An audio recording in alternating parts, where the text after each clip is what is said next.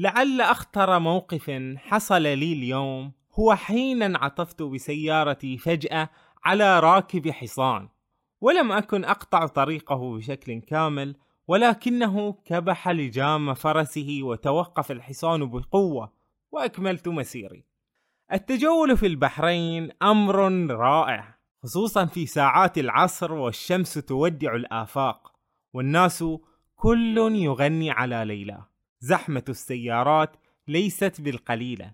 عربات المأكولات المنتشرة المباني الجميلة والفلل والبيوت البسيطة بقايا النخيل اللائحة في أفق المغيب راكبي الخيول والحمير.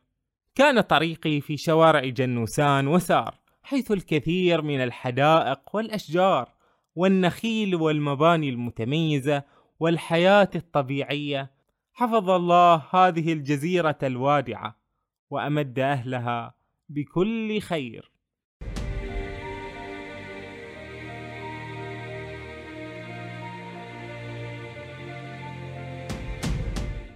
السلام عليكم أهلا وسهلا بكم. أنا مصطفى حسن واليوم مقالنا بعنوان أشرف الغنى ترك المنى وهي حكمة للإمام علي وردت في نهج البلاغة كيف يكون الإنسان غنيا؟ هل يكون غنيا عندما يحصل على مليون أو مليونان أو مليار أو ملياران؟ كل من يرى كثيرا من الأغنياء يعرف أنهم ليسوا أغنياء بالفعل لأنهم ما زالوا يحتاجون كثيرا من النقود ليشتروا بها أراض أو أسهما أو شركات. الغنى في اللغة.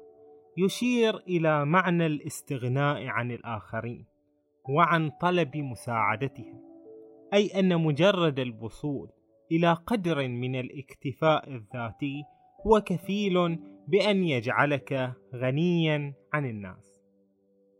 راتب شهري بسيط قد ينجح في جعلك غنيا للأبد.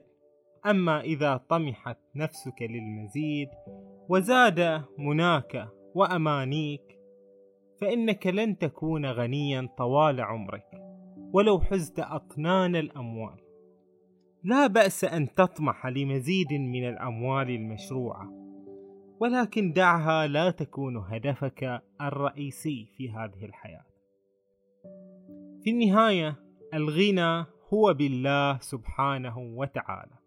تأمل لحظة في كل ما سعيت إليه في حياتك وحصلت عليه. شهادات وظائف أموال شهرة وجاهة. ثم انظر لحالك. أين غناك؟ لا زلت تشعر بالفقر. لا زلت ترى كيف أن كل ذلك كان لا يذكر. أتراك اليوم تبحث عن المزيد؟ كل ما ستحصل عليه صدقني سيكون كسابقه لا يذكر. وفي المقابل انظر إلى ما فاتك. ما لم تستطع الحصول عليه لم تنجح في أي شيء فاتتك الدراسة والوظيفة والمجد والأموال. فقدت عزيزا أو أصبت بمرض أو عاهة. بينما تكون في قاع الهاوية. انظر إليك. أين فقرك؟ هل أنت فقير حقا؟ إذا ما هذا النور الذي تسلل إلى قلبك؟ لماذا أنت راض قانع بكل شيء؟ هل لأن مدده العلوي ما زال معك؟ فلم تخاف وأنت لن تفتقر أبدا ولم تلهث وأنت لن تغنى أبدا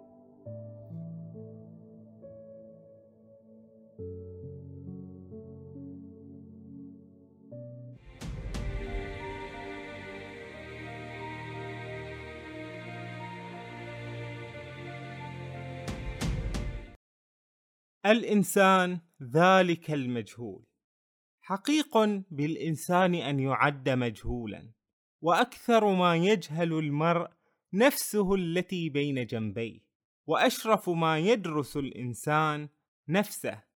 تلك النفس التي يظن أنه عليم بها ولكنها هي التي تسيره دون أن يدري. وكي أوضح ما أريد أن أقوله فإن كل إنسان تحوي جيناته كل شيء عنه تقريبا تحكي طوله ولون بشرته قواه البدنية وأمراضه الوراثية حتى هواياته تنشأ بالأساس كهبة مودعة وتأتي التربية لتصيغ هذا الإنسان وتشكله فيغدو صخرة صماء يظن أنه يعرف الحياة ولا يعرف منها شيئا.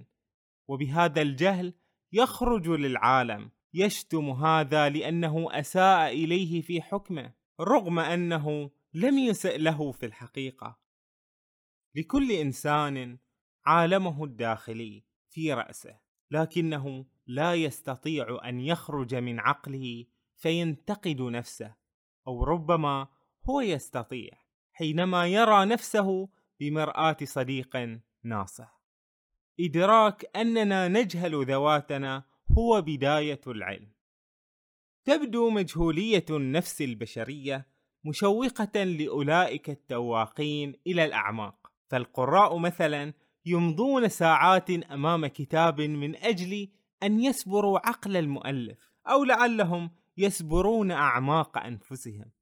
برفقة هذا الكتاب أو بمقطع يوتيوبي حتى أو بمجرد وقفة صادقة مع النفس تكشف ألاعيبها وأهدافها الغير معلنة تكشف المستور من الحسد والبغض والضغينة أو تكشف نقاطها الجيدة وما هي متميزة فيه.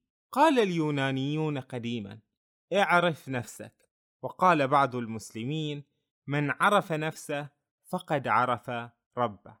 والسلام ختام.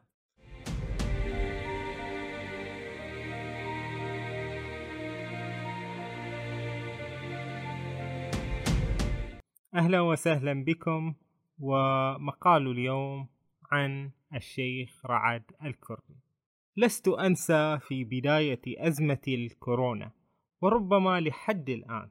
كيف كنت أذهب لممارسة الرياضة وأمشي مشغلا عدة من أشكال الاستماعات.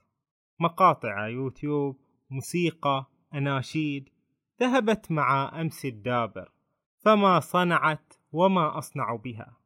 وحدها بعض الاستماعات القليلة للقرآن الكريم. هي ما يعتز به المرء. كشيء حسن قام به في هذه الدنيا. لا شك في مدى حسنه. وأصوات القراء هي أذواق ومن أجمل الأصوات التي أحب الاستماع لها هو القارئ الشيخ رعد الكردي وهو عراقي كردي سني سلفي. لا مكان للطائفية هنا فنحن جميعا نستمع إلى القرآن الكريم الذي نؤمن به جميعا ونؤمن بكل حرف وكلمة وترتيب جاء فيه. يظهر الشيخ في المقاطع اماما في الصلاة. يتلو طوال السور وصار هذا الصوت الشجي يدوي في أعماقي في بعض الصباحات حيث ترتفع الشمس وايدا تزفها الطيور المغرده وللاسف كانت تلك الأوقات قليلة ويا حسرتاه لو كانت أطول. مبارك عليكم شهر رمضان. والله يقدركم على صيامه وقيامه وقراءة القرآن فيه.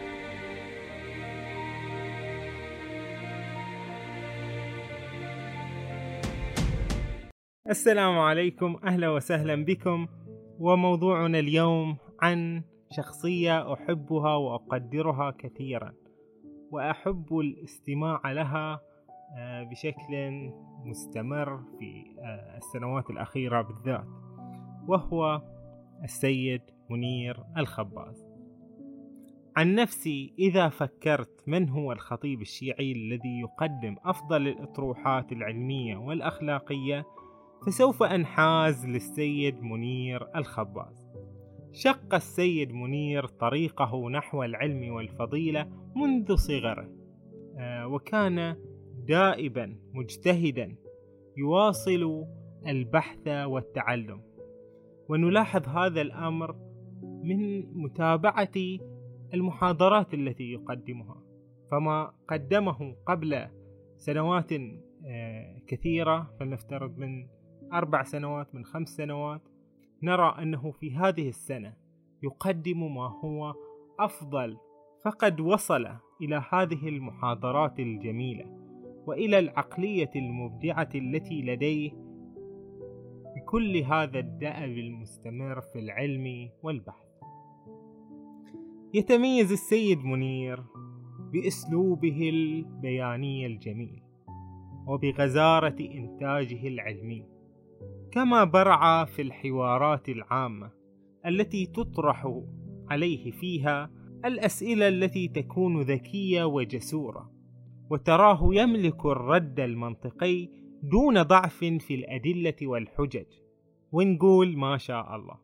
يتبنى السيد منير فكرا محافظا على ما تسالمت عليه الطائفة. فهو لا يطرح الانتقادات والإشكالات على الطائفة بل يجيب عليها. ولكن دائما ما تكون هذه الإجابات مقنعة ومبنية على أسس عقلية محكمة توافق العقل والمنطق والأخلاق. ويسهم كثيرا في طرحه على فتح آفاق من المعارف ينير بها عقول المستمعين وأفئدتهم وكيف لا وهو سيد منير. أسأل الله أن يوفقه إلى كل خير ويوفق أمثاله من العلماء والخطباء ونعول عليهم كثيرا.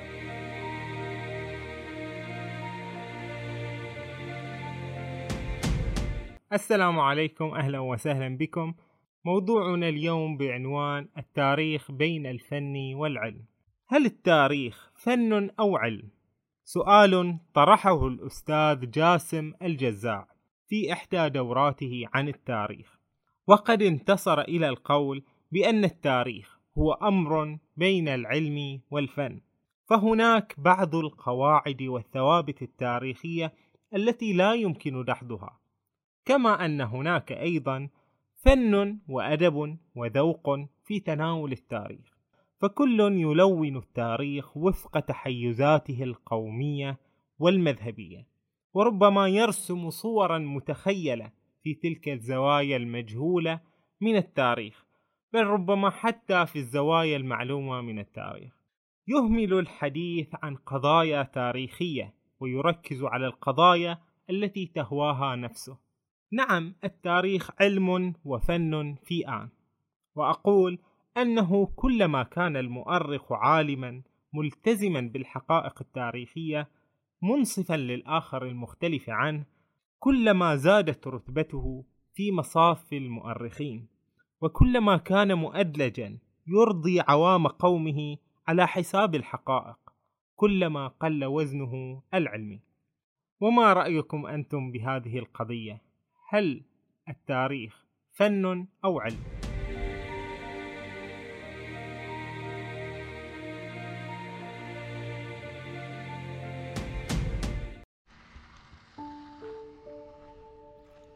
قصة الحضارة في البحرين قيل أن الزراعة اكتشفت قبل عشرة آلاف سنة تقريبا في الهلال الخصيب وكانت أرض أريحة في جنوب فلسطين المحتلة إحدى الحواضر التي عثر عليها على هذه الآثار القديمة. ولا شك أنه عندما حدث هذا التغير الكبير باستقرار الناس في قرى للزراعة برزت الحاجة إلى أن يحموا قراهم. فظهرت فكرة الدولة التي تؤمن النظام في مكان ما. وتحولت القرى إلى مدن كبيرة وتحولت المدن القريبة من بعضها إلى إقليم ووجب أن يحكم ذلك الإقليم نظام وملك. فنشأت سومر ونشأت مصر القديمة. وكان الشرق الأوسط في الألف الرابعة قبل الميلاد هو العالم المتحضر فقط حيث تركزت الحضارة في العراق ومصر. وبين هذين البلدين وحولهما كانت الشعوب أيضا تتحضر وإن كانوا أقل منهم درجة. ونشأت في بلاد الهند والسند والصين حضارات عظيمة في الألف الثالثة قبل الميلاد. وصار العالم القديم في حاجة إلى تبادلات تجارية بين الحضارات. وصارت هناك طرق برية وبحرية للتجارة. حين ذلك نشأت أهمية كبيرة لجزيرة البحرين أوال كونها تقع في وسط الخليج الذي يربط أعظم الحضارات. ونشأت الأختام الدلمونية المبكرة وكانت الأختام تستخدم في المعاملات التجارية وتصدر من جزيرة البحرين بالتحديد. ثم كبرت دلمون لتمتد حضارتها شرق الجزيرة العربية كلها. كانت ثقافة دلمون تتشابه مع ثقافة بلاد الرافدين فلغتهم كانت اللغة الأكدية وربما كان لهم لغات أخرى. ويوجد تشابه مع بلاد الرافدين في طرق البناء والنظام الديني والتقنيات الزراعية ومهنة البحر. والحضارة عبارة عن موجات فقد قامت مملكة دلمون 2500 قبل الميلاد واستمرت قرابة الألف سنة. وفيها نرى الآثار والمقابر الباقية إلى اليوم. بعد ذلك سقطت دلمون على يد الكيشيين وحين تسقط الحضارة يرجع الإنسان لحياة الفوضى وينسى الزراعة والمهن الحرفية. مع تقادم الزمن دون حكومة وأمن يغدو كل إنسان ينهب الآخر ويسطو على ممتلكاته وحياته وهذا أسوأ ما يمر به بلد حين لا يكون هناك دولة لتحتكر العنف. فالذي يعيش في مكان كذلك إن توفرت له لقمة للعيش لم يأمن من جاره أن يسرقه.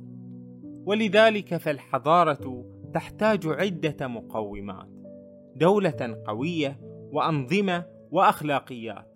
وازدهار اقتصادي وثقافي. وأخيرا تراث باق يدلنا على إنجازاتها دمتم بخير.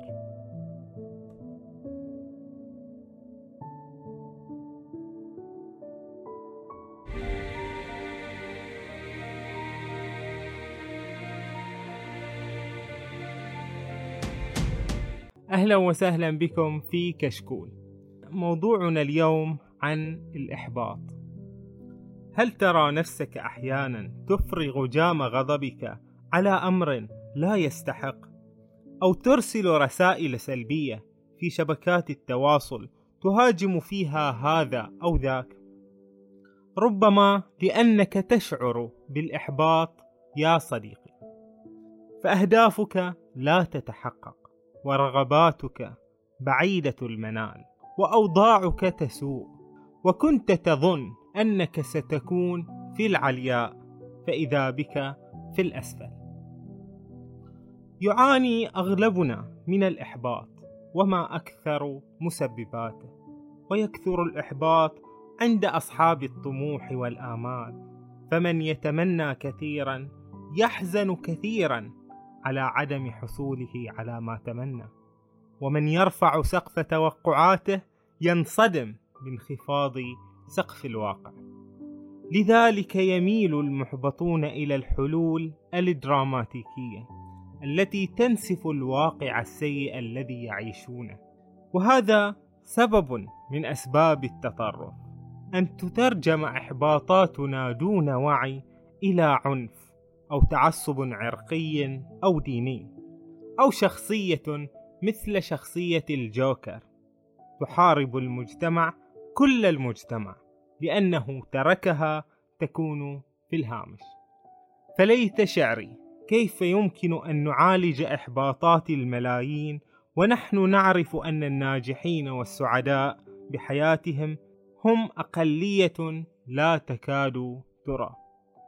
كم هي نسبة الأغنياء من المتوسطين والفقراء؟ وكم عدد المشاريع الناجحة من المشاريع الفاشلة. وكم عدد القانعين بتخصصاتهم وأهاليهم وأعمالهم من الساخطين عليهم. ولحسن الحظ أن شاكلة الجوكر في أوطاننا غير كثيرين والحمد لله. فرغم الإحباطات لا يشطح البال إلى تدمير المجتمع. قصارى ما يحدث قليل من الصراخ والغضب والآلام النفسية المكتومة وقد انحلت المشكلة. وكيف لا تحل؟ والقناعة هي كل شيء. والسعادة التي تولدها الذات أو بالأحرى السكينة التي تنزل من رب العباد على عبيده في لحظات الإحباط والمصائب تخفف ما في نفوسهم وتجعلهم راضين قانعين ولو بالأمر اليسير. وتراهم يبتهجون بأبسط شيء وذاك الذي حاز الدنيا وحقق النجاح ما زال محبطا لأنه لم يحقق إنجازا أكبر.